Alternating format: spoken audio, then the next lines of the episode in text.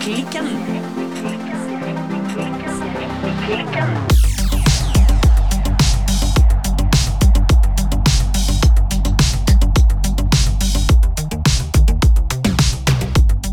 Hei, Birte. Bonjour, madame. Nydelig. Birte, Ja, hva strikker du på? jeg strikker på min Ingen dikkedårer. Ja. Nå er jeg litt sånn eh, lei av å repetere meg sjøl, men eh, det går sakte framover. Eh, sakte, men sikkert. Men det er ikke blitt så veldig mye strikking de siste dagene, for nå sitter jeg på et hotellrom i Paris. Oi, oi, oi. Oi, oi, oi. Jeg er på jobbreise. Og jeg har strikka på flyet på vei nedover, Ja. for det er noe ganske kjekt å gjøre. Det er ikke så mye å finne på på et fly, syns jeg. Men etter jeg kom ned hit, så har jeg ikke hatt tid til å strikke noe særlig. Nei, men det skjønner jeg veldig godt. Du er jo, som du sier, tross alt på jobbreise. Du har vel ikke full mulighet til å bare sette deg ned og strikke hele tiden? Nei, og så er det litt sånn du har, når du har noen pauser og sånn, så er det faktisk litt andre ting som frister litt akkurat nå, disse dagene. Det, det var ikke det å sitte på hotellrommet og strikke som var liksom aller høyest på ønskelisten? Nei, det var ikke helt sånn eh, tid og stad for så mye strikking. Men eh, skal jo reise hjem igjen, eh, og da ser jeg for meg å sitte og strikke på, på flyet igjen. Men jeg tenkte på én ting, eh, for at eh, rett etter 9-11 Ja. var jo det faktisk forbudt å strikke på fly. Ja! Du fikk ikke lov å ta med deg strikkepinner på fly, for det kunne jo bli et veldig farlig våpen. Ja. Vi vet jo at alle som strikker, er jo klin hakke galne, sånn at eh, da kunne jo hva som helst ha skjedd. Men det tenkte jeg på når jeg flaug litt sånn Å, shit! Hvor kjedelig det hadde vært hvis jeg ikke hadde fått lov å strikke på fly. Ja, jeg har faktisk en venninne som fløy i de dagene det var forbudt å ta med strikkepinner. Og hun eh, Ja. lider litt av samme fingre som meg, restless hands syndrome. Så hun satt Ja. en helt flytur og fingerheklet. Du vet det der når du bare tar tråden mellom fingrene? Ja, ja. Ja, ja. Nei, det er 5000 meter med det blir jo et eh, slags rart skjerf. Så hun, eh, hun bare nei, jeg kan ikke sitte med og gjøre ingenting. Da kommer jeg til å bli gal. Jo, men det var jo eh, Det var nå et Det var nå en god idé, rett og slett. Bra påfunn. Men eh, nei da, så jeg ser frem til å, å strikke på tilbakeveien. Det er jo dørgende kjedelig å fly, og strengt tatt nesten kjedeligere å sitte på en flyplass. Så ja. Men eh, Silje, Ja. hva strikker du på i dag, da? Nei, altså her jeg sitter under en palme på en sydhavsøye på Maldivene. Oh, who am I kidding? Jeg sitter i strikkehytten i regnfulle Bergen og strikker på Oi. min Nord-sweater fra strikkekaffe fremdeles. Ja, Det var- hvordan går det? Jo, det, det går egentlig veldig bra. For nye lyttere, jeg strikket den jo altså nesten Altså, selve bolen var helt ferdig. Og Ja. så rekket jeg opp absolutt alt, og bestemte meg for å strikke en størrelse større. Og nå Ja. er bol, bol nummer to er nesten ferdig nå. Oi, Ja, ja, ja. du er rask, altså. Ja, men den er så lett og kjekk å strikke, den der. Ja. Og du vet, jeg har ikke andre distraksjoner. Jeg har liksom ikke Eiffeltårnet og Louvre og Versailles og sånne, sånne der kjekke ting. Det er liksom bare mm, Her siper det ned. Her er det strikketid.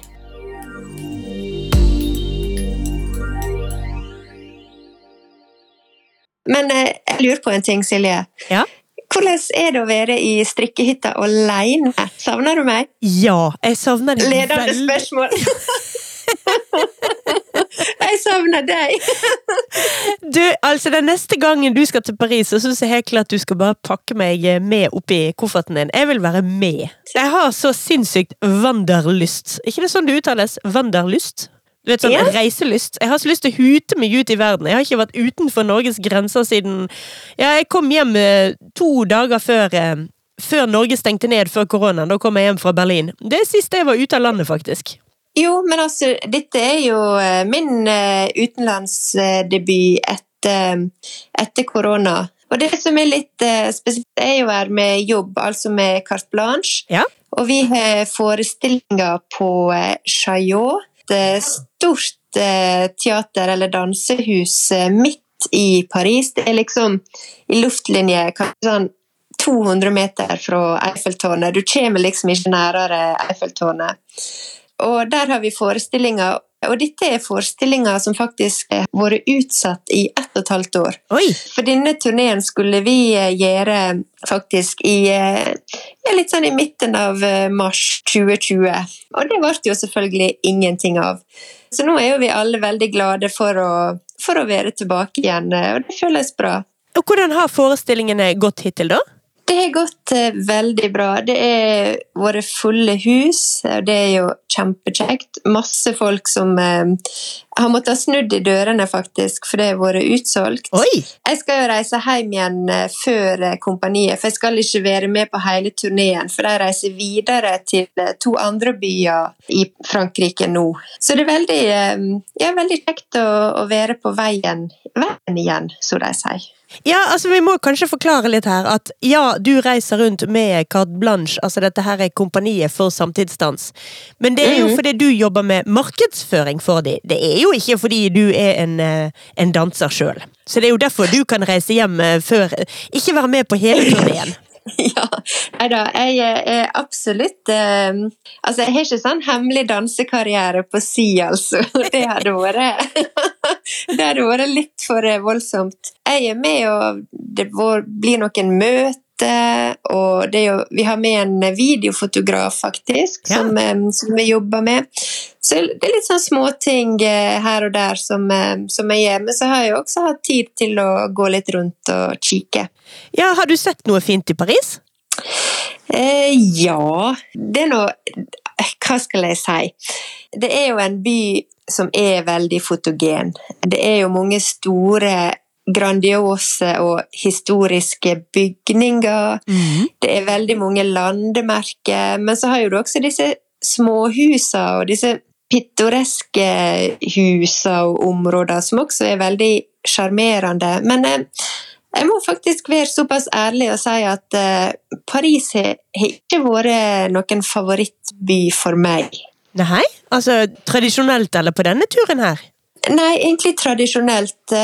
Jeg har vært i Paris eh, kanskje 30 ganger, Å, herregud. og en periode veldig regelmessig. Men alle gangene jeg har reist hit, så har det vært i forbindelse med jobb. Jeg har aldri vært her som eh, turist. Det kan hende at det preger litt eh, på en måte min holdning eller mitt inntrykk av byen. For det er en ganske sånn stressende by å, å jobbe i, og folk generelt er ganske stressa. Ja. Kort lunte. Litt, folk, litt sånn sure. og det er jo en by som har sine, har sine utfordringer, sånn logistikkmessig, for eksempel.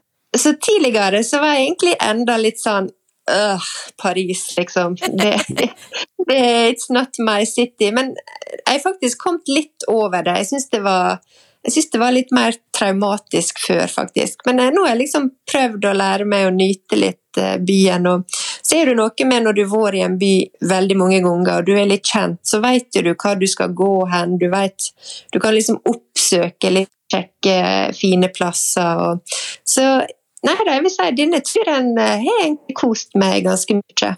Men jeg liker dette her eh, elementet her, altså. Nå har vi i et par uker vært en slags antioppussingspodkast. anti-oppussingspodkast. Og, nå- Ja. og nå utvikler vi oss til å bli en anti-reisepodkast. Anti-Paris. Anti-Paris, ja. Her reiser du til liksom romantiske, vakre Paris, og der viser det seg at du har vært over 30 ganger. Og jeg må jo røpe for lytterne at det har jo sikkert aller mest vært i din forrige jobb, når du har jobbet med klær og fashion. Og vært Ja da, det innkjøper. stemmer. Men Ja. det at du da ikke har dette mytiske forholdet til Paris, og heller sier at liksom øh, det er for høyt tempo, og folk jobber for hardt, og folk er sure. Jeg syns det er vakkert. Det er bare Ja. anti-anbefalingspodden. Og så kan jeg si da, når du reiser til eh, Paris, eh, enten om det er som turist eller, eh, eller i jobbsammenheng, så er jo det litt sånn Hvis du åpner munnen og ikke kan fransk, så har du liksom tapt allerede. Sånn at eh, du starter jo liksom på minus i alle sosiale relasjoner. Denne klisjeen om at franskmenn eh, nekter å snakke noe annet enn fransk, den stemmer faktisk? Den eh, Altså, det er ikke sånn at de nekter å, å snakke engelsk, men det, det er ikke som sånne humørbooster eh, når du, når du sier liksom Excuse me, do you speak English? Det er liksom ikke Da er er ikke liksom tommel opp, for å si det på den måten. Jeg bodde noen måneder i en eh, liten by i Spania, i Catalonia. Og der er det sånn Ja. at hvis du kommer og snakker på engelsk, da svarer de Ja. deg på spansk. Men hvis du Ja. snakker til dem på spansk, da svarer de på katalansk. For da er liksom teorien Oi! Hvis du først har klart å lære deg spansk, så bør du for pokker lære deg katalansk også. Med det resultatet at eh, det bitte lille jeg lærte meg av spansk, er jo selvfølgelig en suppe av eh, spansk og katalansk og Nei og nei, bare rot. Ja, så tap-tap-situasjon, med andre ord. Helt klart. Ja, helt klart.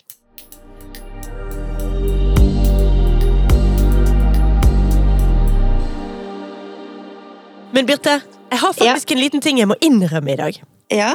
Jeg har aldri i hele mitt liv vært i Paris. Nei, men du, det veit jo jeg, og jeg veit jo at du, du er helt sånn obsessed med å reise til Paris også. Ja, altså, jeg syns Ja. Jeg har liksom vært Hvorfor er ikke du her med meg nå? Det har du helt rett. Altså, jeg, det verste er at vi skulle jo dit nå, meg og uh, min mann. Men uh, nå er det Ja. blitt flyttet til at vi skal faktisk en tur til Paris i, uh, i januar en eller annen gang. Så da skal jeg Ja. endelig få se Paris. Men jeg skal ikke på jobbtur, og jeg skal være på et eller annet pittoreskt romantisk hotell, og jeg skal ut og spise romantiske middag, og jeg skal drikke rødvin fra Bordeaux og Du kan kjøre alle klisjeene, klisjeene hvis du vil, altså. Ja da, nei da, jeg skal gå med alpelue og gå med en lang bagett under armen eh, alle, hele tiden. Men du skal se at eh, plutselig så kommer der en uh, rød eh, Sky-sofa og en lilla lampe og en, en sur dame som ber deg om å dra en viss plass, og så, ja, men da, da er du i Paris, liksom. Sånn er det bare. En, en, en rød skysofa, er det liksom typisk Paris? Jeg vet ikke det. Det er liksom bare at det er ikke alt som er like eh, visuelt og estetisk som en kanskje tenker. Det er liksom Plutselig er du liksom i Mellom-Europa på en eller annen måte, også sånn stilmessig. Det, ja, det, det er en egen greie. Det er ikke, det er ikke Scandinavian uh, hygge, for å si det på den måten. Nei, nettopp. Faktisk så jeg, føler jeg meg litt grann eh, i eh, Paris for tiden, faktisk. For jeg driver og Ja. leser en bok for datteren min. Denne her Ringeren i Notre-Dame. Å ja. Altså, for det første Hjelpe meg så sjokkerende rasistisk den boken er. jeg hadde helt glemt det! Jeg hadde fullstendig glemt hvor ille den boken er. Det, det var borte. Så det var litt, Ja. eh, det var litt Ja visst var vi der, ja. Men eh, den, den er jo riktignok Den er vel satt i 1400-tallet eller noe sånt. Men nei, jeg, eh, jeg, må, jeg må rett og slett bare si det enda en gang. Jeg er litt misunnelig for at du er i Paris, altså.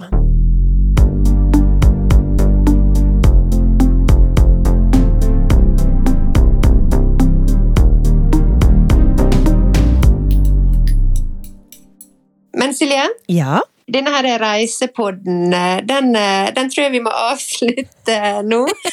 Eh, Eller Parispodden, som det kanskje er blitt, til og med. ja. Men det er en helt spesiell ting som vi er nødt til å snakke om denne veka. Jaha. Og det er at vår podkast, aka Strikkeklikken, den fyller år! Ja! Vi har, Vi har holdt på i ett år! Vi har det! Altså, vi har Ja. ettårsjubileum, og det feirer vi med at du er vekkreist. Og jeg Altså, jeg må jo innrømme at jeg sitter jo her med krone på hodet og ballonger i strikkehytten, og Ja. kaken er klar og alt mulig. Så det er litt trist at du er vekkreist, altså. Ja, det er det. Men eh, altså 18. november i fjor, Ja. da ga vi ut eh, første episode. Det gjorde vi. Da hadde vi rett og slett lansering. Og vi hadde jo Ja. eh, på kammerset en aldri så liten lanseringsfest eh, i heimen også. Eh, Ja. Så det er jo litt trist at ikke du er her hos meg og kan feire ettårsjubileet vårt ordentlig. Men det må vi bare Ja. ta igjen, altså. For, Det må vi ta igjen. Ja, og for et år det har vært! Ja, det er helt utrolig. Jeg syns det er godt både veldig fort Jeg kan ikke forstå at vi har holdt på et år. Nei. Det føles både kort og lenge siden. Men det, har du hørt eh, første episoder i det siste, Silje? Nei, jeg har faktisk ikke det. Jeg har, jeg har, vel, jeg har vel bare latt det være, rett og slett. Men jeg vet jo at vi helt i begynnelsen sleit litt med å finne formen. Har du hørt det? jeg har hørt den på en måte etter at vi Nå er det faktisk en liten stund siden, men hørte den på en måte på et tidspunkt der jeg følte vi hadde kommet et godt stykke videre, og da var det litt sånn Når jeg hørte tilbake på første episode, så bare sånn Å, gud, hvor treigt det gikk, og orda kom ikke fram. Og jeg vet ikke, det var, det var liksom bare sånn Oi, nei, her var Hei, gitt, og her var det vanskelig og knotete å snakke. I hvert fall for min del, da. Du er jo kjempegod å snakke, men jeg bare måtte båre hodet mitt ned i puta når jeg hørte på. Det er jo litt ille det, da, for hvis jeg ikke tar feil, så er vel faktisk fremdeles den eh, første episoden vår, den som jo heter Intro til strikkeklikken, eller noe sånt, det er vel den Ja. mest avspilte episoden vår. Fordi ja, men det er jo fordi alle nye lyttere hører den siste episoden, og så går de tilbake og hører den første episoden. Ja, jeg vil regne med at de fleste faktisk gjør det på den måten, ja. Ja. Så um, til våre nye lyttere nå, ikke gjør det. Nei, bare begynn på sånn episode tre-fire eller fem Nei, tre-fire kanskje. Ja. For da følte jeg at vi begynte å finne forma. Ja, det, det Såpass vennlig ja. syns jeg man kan kunne være mot oss at man kanskje hopper over det, de første par-tre stykkene. Ja. Men det har jo faktisk skjedd enda en til ting med podkasten vår denne uken. I tillegg til at eh, den har blitt ett år gammel. Vi har rett og slett bikket eh, ny rekord på eh, avspillinger her. Nå er vi bikket Oi. 60 000 avspillinger. Å hjelpe meg! Ja da! Ja, det er jo utrolig kjekt. Det er veldig kjekt, og jeg syns jo egentlig at det fortjener et aldri så lite kakestykke, det også. Så Ja, det- siden du ikke er her, så spiser jeg opp ditt også, faktisk. ja. Greit. Altså, det har jo vært en, et langt et langt og morsomt år med strikkeklikken. For Ja. de som ikke helt kjenner til forhistorien, så er jo strikkeklikken Birte sin idé. Det var jo du som kom Ja. på dette her, og bare kom med den gode ideen til meg. Vi satt på kafé, og Birte sier til meg 'Silje, skal vi starte en podkast om strikking?' Og jeg sa Ja. ja. Ja, så var vi i gang. For det, det jeg tenkte litt på. For det som var så gøy med ditt svar, det var at det var bare enkelt og greit ja. Det var ikke noe sånn Ja, hva tenker du? Eller Tja, går det an? Eller Nja, kanskje litt ja, altså fortell litt mer. Det var liksom ikke sånn. Det var bare yes. Yes. Jeg har litt lyst til å oute deg også litt til lytterne våre i dag, Birte. Ja. For det hender jeg får spørsmål om, om hva vi gjør hvis det er noe vi er uenige om. Hvis det for eksempel er et Ja. tema den ene vil ta opp, og den andre ikke vil, eller et eller annet sånt. Og Ja. helt i begynnelsen, før vi hadde laget noen som helst episoder, så hadde jo jeg veldig lyst til at vi skulle ha musikk. At vi skulle bare snakke litt, men ha liksom veldig mye musikk var det som skulle være selve podkasten. Innimellom all strikkinga. Innimellom all strikkingen, ja. Ja. Men da Ja. hadde du så bra måte. Du var sånn Ja, kanskje det, ja. Mm. Og så lot du det gå et par uker til du sjøl lot meg innse at for det første, rettighetsmessig kan vi bare glemme det. Altså, Hvordan skal vi få det til? Vi, kan ikke, vi eier ikke låtene vi liker. Vi kan ikke spille de sånn. I tillegg til det, så liksom Nei, det er jo ikke det vi skal holde på med. Jeg skjønte det etter hvert, men jeg likte så godt den måten du bare Ja da, gjør det sånn, du. Og bare lot meg finne ut sjøl at det var en elendig idé. ja, men eh, jeg må jo si det høres jo veldig diplomatisk av meg, da. Veldig, veldig, veldig diplomatisk. Skal vi se, nå Ja. ringer faktisk søsteren min på andre linjen. Ja, Der har vi det må hun slutte med. Det må, det, bort med hun! Hun kan ikke få være Ja. med. Vi har innspilling. Nei da, sånn går det når vi kan ikke akkurat bare legge vekk telefonen heller, for du er jo faktisk med meg via telefon fra Paris. Yes. Og nå snakker vi litt om at vi har ettårsjubileum, og det er jo klart eh, Det går jo an å høre på Det er jo ikke sant, Selv om eh, den første episoden er, er litt sånn rar å høre på for oss begge, tror jeg, så vil jeg si episode nummer ti, ti Ikke nummer ti, episode nummer to eh, allerede. Der snakker vi om den beige bølge, og det syns jeg er et veldig interessant tema. Ja, det var en episode vi spilte inn på bakgrunn av en kronikk som sto i Morgenbladet. Ja, Hvor hun, eh, som jeg er så glad i, hun er Ragnhild Borkmann, ikke det noe hun heter? Brochmann. Brochmann, ja. Unnskyld. Ragnhild Ja. Brochmann, som er kulturhistoriker og motekjenner i Morgenbladet. Hun hadde fått tilsendt et spørsmål om hvorfor vi alle kler oss så likt og strikker så likt. Hva er det med alle disse Er vi bare en haug med liksom brekende sauer som går i samme retning? Og da diskuterte vi det ganske mye i den eh, episode to. Det gjorde vi. Jeg tenkte litt på det akkurat nå. Er det fortsatt ei beige bølge i strikkinga, eller føler vi at ting er begynt å gå litt videre? Hva tenker du, Silje? Nei, altså i hvert fall i vår Instagram-feed så har det begynt å komme mer farger. Og det som jeg også ser som det kommer mer og mer av, er jo faktisk at både strukturstrikk og mønsterstrikk er på full fart inn. Nå sitter jo jeg akkurat nå og er veldig glad og fornøyd over å strikke glattstrikk, for det, det var så digg nå. Men generelt så er jeg jo veldig glad for at både mønster og strukturstrikk får en litt større plass. For jeg tenker jo at de nye strikkerne er, har fått øvd seg nok nå til at de er klar for litt mer utfordringer. Absolutt, og det er det som er litt morsomt. og Det har vi også vært litt inne på før, at siden det var så utrolig mange som begynte å strikke da med koronatida, Mm. eh, så ser du også at på en måte det var veldig mange sånn begynnervennlige oppskrifter som var veldig populære en stund. Mm. Og så ser du liksom hvor en er avansert litt. Litt sånn litt mer avansert skulderkonstruksjon. Snike inn litt flere teknikker her og der, og så plutselig går en også full on flette og struktur og alt det her.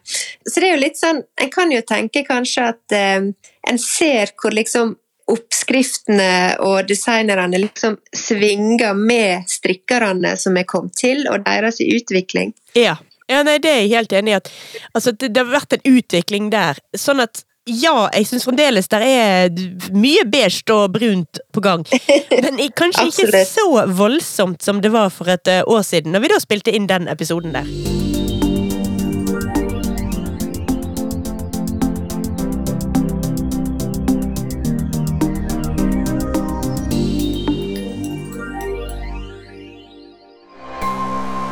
Hei! Vi er Silje og Birte fra Strikkeklikken. Vi lanserer nye episoder hver eneste onsdag. Du kan høre oss via Spotify, Apple Podcasts eller hvor du nå enn foretrekker å finne podkastene dine. Følg oss gjerne på Instagram og Facebook at strikkeklikken. Eller du kan gå inn på nettsiden vår www.strikkeklikken.no. Vi høres!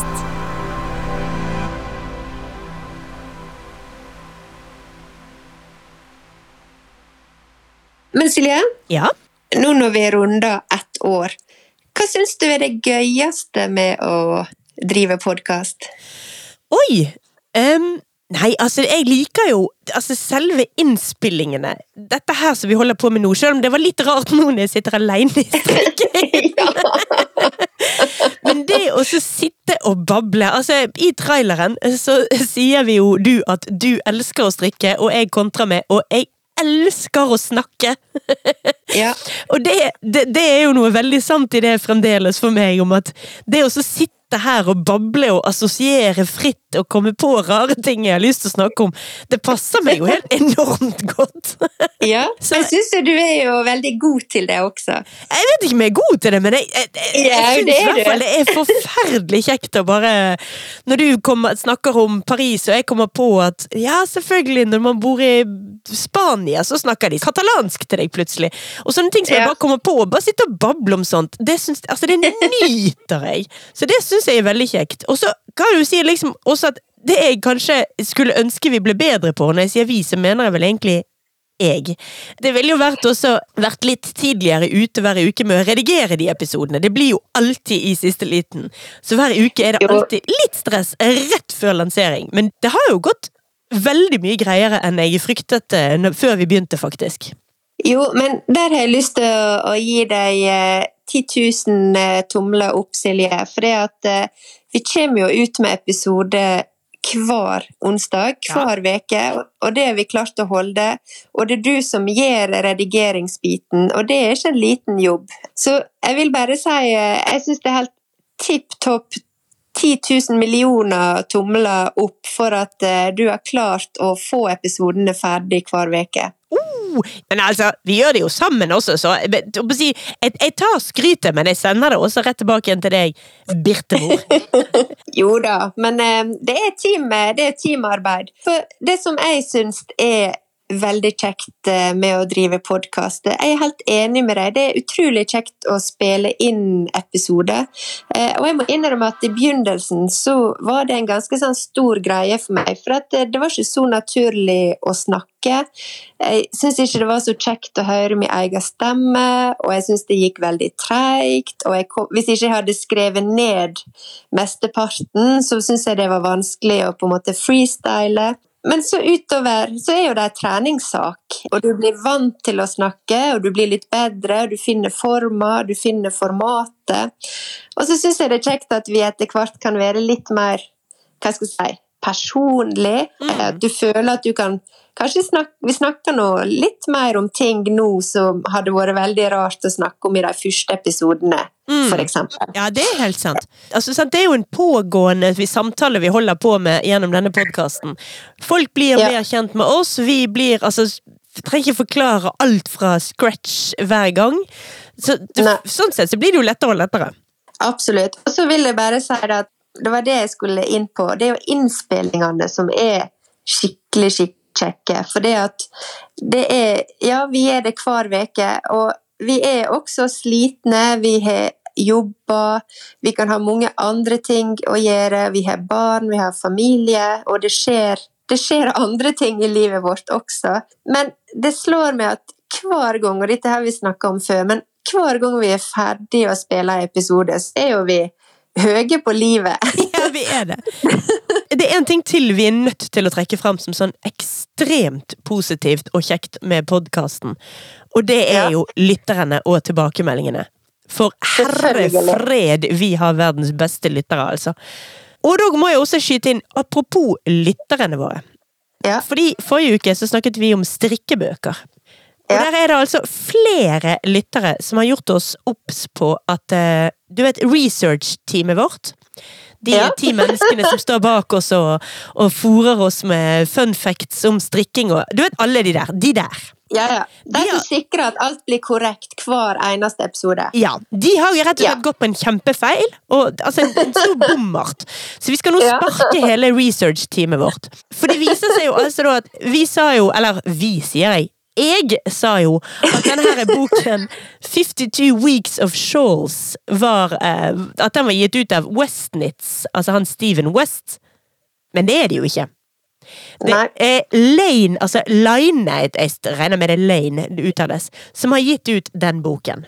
Ja. Så der må jo Der må vi bare rett og slett legge oss fullstendig flate og legge oss ned i støvet og si unnskyld, unnskyld. Vi skulle selvfølgelig ha kreditert rett forfatter der. Det var altså Lane som har gitt ut boken 52 Weeks of Shawls.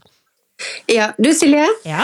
Nå må jeg bare springe veldig kjapt på do. Skal jeg bare la linja ligge? Bare la linja ligge. Bare lukk dodøren. Ja, jeg skynder meg. To sekunder. Og mens Birte er på do, så tar vi en liten sang. Og mens Birte er på do, så strikker vi lite grann. Dette er veldig spennende podkast. Silje sitter aleine i en strikkehytte, mens Birte er på do i Paris.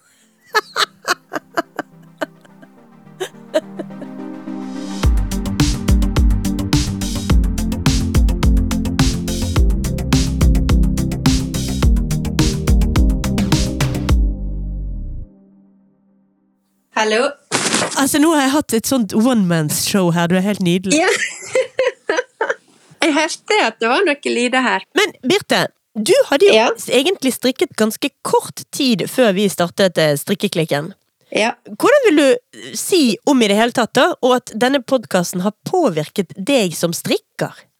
Ja, altså den har jo Jeg vil jo si at den absolutt har påvirka meg som strikker. Eh, for jeg føler jo en, kanskje en, en, forpliktelse til å utfordre meg sjøl litt, mm. samtidig som jeg er veldig opptatt av at det som jeg gjør, skal være personlig, og jeg kan liksom ikke tenke hva jeg tenker for mye på hva andre forventer at jeg skal gjøre. Jeg må også være liksom sikker på min, på min smak eh, i forhold til strikking. Eh, men det som er litt rart for min del, det er jo det at hele tida mens vi har drevet denne her strikkepodkasten, så har jo jeg hatt kronisk senebetente. Ja. Jeg strikker jo veldig, veldig mye mer før vi starta denne podkasten. Så jeg kjenner jo litt på at jeg er litt sånn treig, og at jeg ikke får strikka så mye som jeg har lyst til. At det ikke blir litt sånn samme hver uke. Men så tenker jeg også at det som jeg har opplevd, og for så vidt fortsatt opplever med armene mine, det er jo noe som strengt tatt veldig mange strikkere opplever Mm. og sliter med. Men det er jo ikke nødvendigvis det du leser mest om kanskje på Instagram, eller Men jeg vet jo det at alle jeg kjenner som strikker, har jo hatt sine runder der en har måttet ha tatt pause, eller der en har hatt ulike Ulike plager, rett og slett. Og jeg er litt sånn Jo, men det er sånn, sånn er livet som strikker, og det får jo da sin helt naturlige plass i denne podkasten om strikking. Ja, nei, jeg syns det er viktig at vi faktisk får vise hele den historien, og at det ikke er noe sånn herre Altså, det ville vært så feil å nevne at ja, jeg har senebetennelse uken etter. Helt frisk! Ja. det er ikke sånn det er i det hele tatt. Nei, det er ikke det. Men du Silje, du har jo strikka lenge og holdt jeg på å si nesten en kvinnealder. Men har du forandra Altså, har podkasten forandra deg som strikker, eller har du liksom Føler du at det er liksom noe annerledes nå enn Ja. før? Ja, det er det absolutt. Altså, jeg har jo strikket mye, mye mer tull og tøys før. Eh, eh, jeg har fått mye kritikk av familiemedlemmer for at jeg liksom altså, strikket alle disse pleddene og egentlig bare holdt på med selve aktiviteten å strikke. Og strikket veldig Ja. lite med oppskrifter og utfordret meg sjøl veldig lite. Jeg har bare likt å klaske to strikkepinner eh, mot hverandre med en tråd mellom meg. Altså, Jeg må jo innrømme at eh, Riktignok før strikkepodkasten, da, men etter at du begynte å strikke, så var det jo for eksempel første gang jeg strikket raglanøkninger og masse sånne ting som det. Det har jeg Ja. ikke gjort før. Jeg bare, jeg bare likte å strikke, jeg. Så, så det har, og nå, sant, med dette siste prosjektet, som jeg jo faktisk endte opp med å rekke opp en hel bol, det hadde jeg jo aldri funnet på før. Men nå kjenner jeg på at det er liksom litt sånn ah, Nei, jeg må gjøre det litt skikkelig. Ja, ja. Så, eh, så jo da, det har helt klart påvirket meg sånn.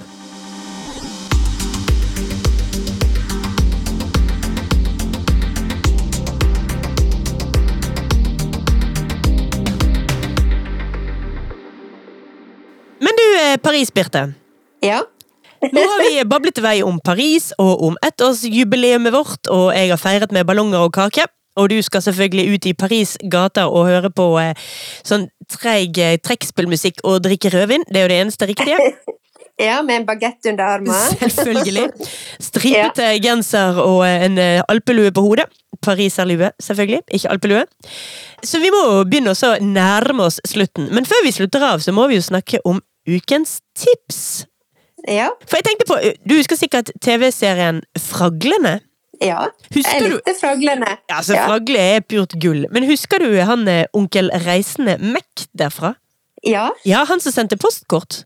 ja. Nå har jeg litt lyst til at du skal være onkel Reisende Mac og sende oss et postkort fra Paris med tips der utenfra verden. Ok. Jo, men eh, jeg har et tips, og jeg ber om eh, tilgivelse for at eh, det ikke har noe med strikking å gjøre. Ja. Men jeg rett og slett Jeg er jo litt inspirert av at jeg nå er i Paris. Og mitt tips denne veka, det er rett og slett ei bok som heter Paris-syndromet. Ja vel?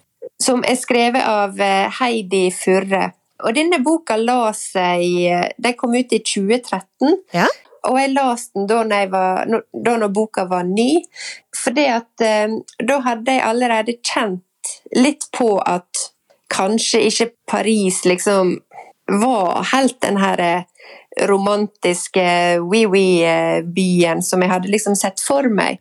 Eh, For det at eh, Paris-syndromet, det er jo et syndrom som rammer Altså det er et syndrom som rammer japanske turister som kommer til Paris, og som blir grunnleggende skuffa over at byen er sånn som de trodde.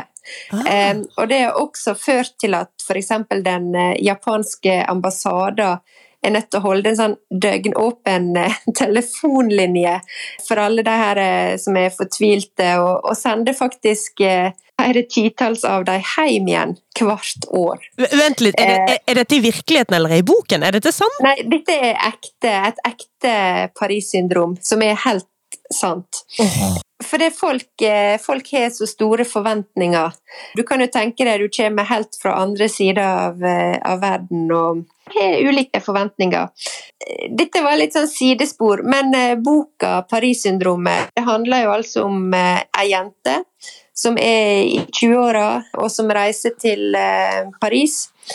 Og egentlig ikke ut, altså uten noen sånn spesiell plan. Og så syns jeg ja, jeg synes det er en kjekk bok å lese, og jeg tenkte på at eh, det kunne være en fin anbefaling nå, siden jeg er i Paris, og strengt tatt eh, har hatt i alle fall et sånn ambivalent forhold eh, til boken. Så altså, mitt tips er Paris-syndromet av Happy Furre. Den høres helt fantastisk ut, og den skal jeg utvilsomt lese. Takk for tips! Det må du gjøre, og du må gjøre det før du reiser til Paris. Sånn at de slipper å ende opp gråtende på den japanske ambassaden. ja, Faktisk. Monique pareil, vous, vous descendez au rang 6, ce sera sur votre gauche. Euh, alors, vous êtes pas au bon endroit, ce sera en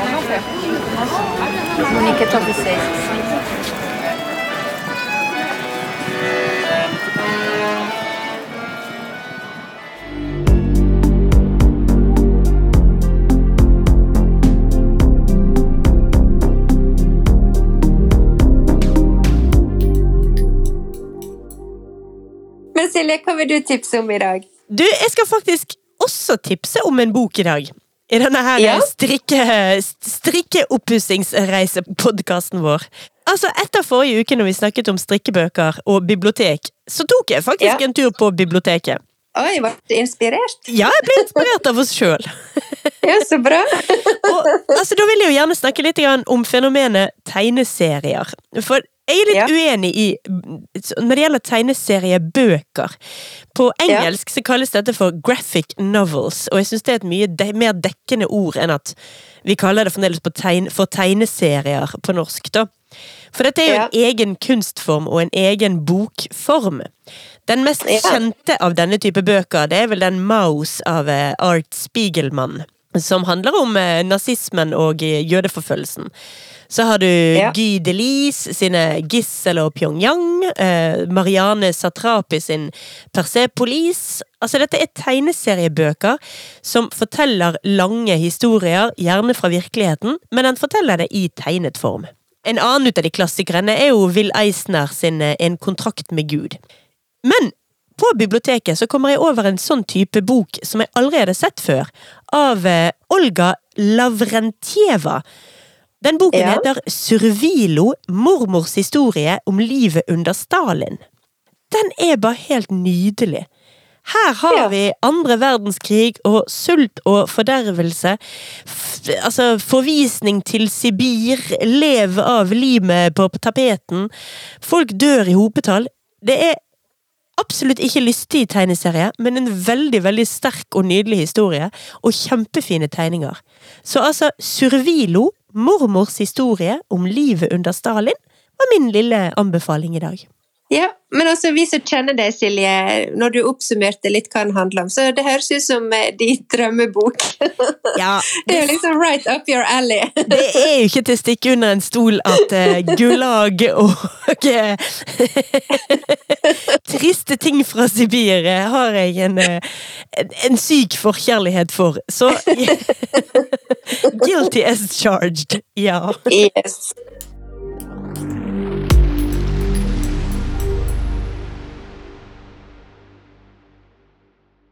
Men du, Paris-Birte. Onkel Reisende-Birte. Ja. Det var rett og slett det vi hadde tid til i dag. ja, det var det, men jeg syns jo dette gikk jo faktisk veldig bra. Ja, det gikk veldig Ja. fint. altså. Det er Både telefonlinjen holdt og var litt rart å sitte alene i strikkehytta. Jeg må si jeg ønsker deg eh, Jeg gleder meg til du kommer tilbake igjen, altså. Det var, er jo veldig gøy måte å gjøre det på, dette også. Altså, jeg syns det funker, og jeg må innrømme jeg eh, var bitte litt sliten før vi satte i gang. Og jeg sitter jo her på et uh, hotellrom uh, alene, og det er ikke sånn hyperkoselig nødvendigvis, men uh, nå er jeg peppa så, som vanlig. Jeg blir alltid i godt humør av å spille en episode, til og med når vi sitter tusenvis av kilometer fra hverandre. Da gjenstår det faktisk bare å si Birte, mollkos deg videre i Paris. Tusen takk, Silje. Og så må vi jo si at lytterne våre må også målkose seg hvor hen nå enn de befinner seg i verden. Selvfølgelig. Så høres vi igjen om en uke. Ha det på badet! Merci beaucoup!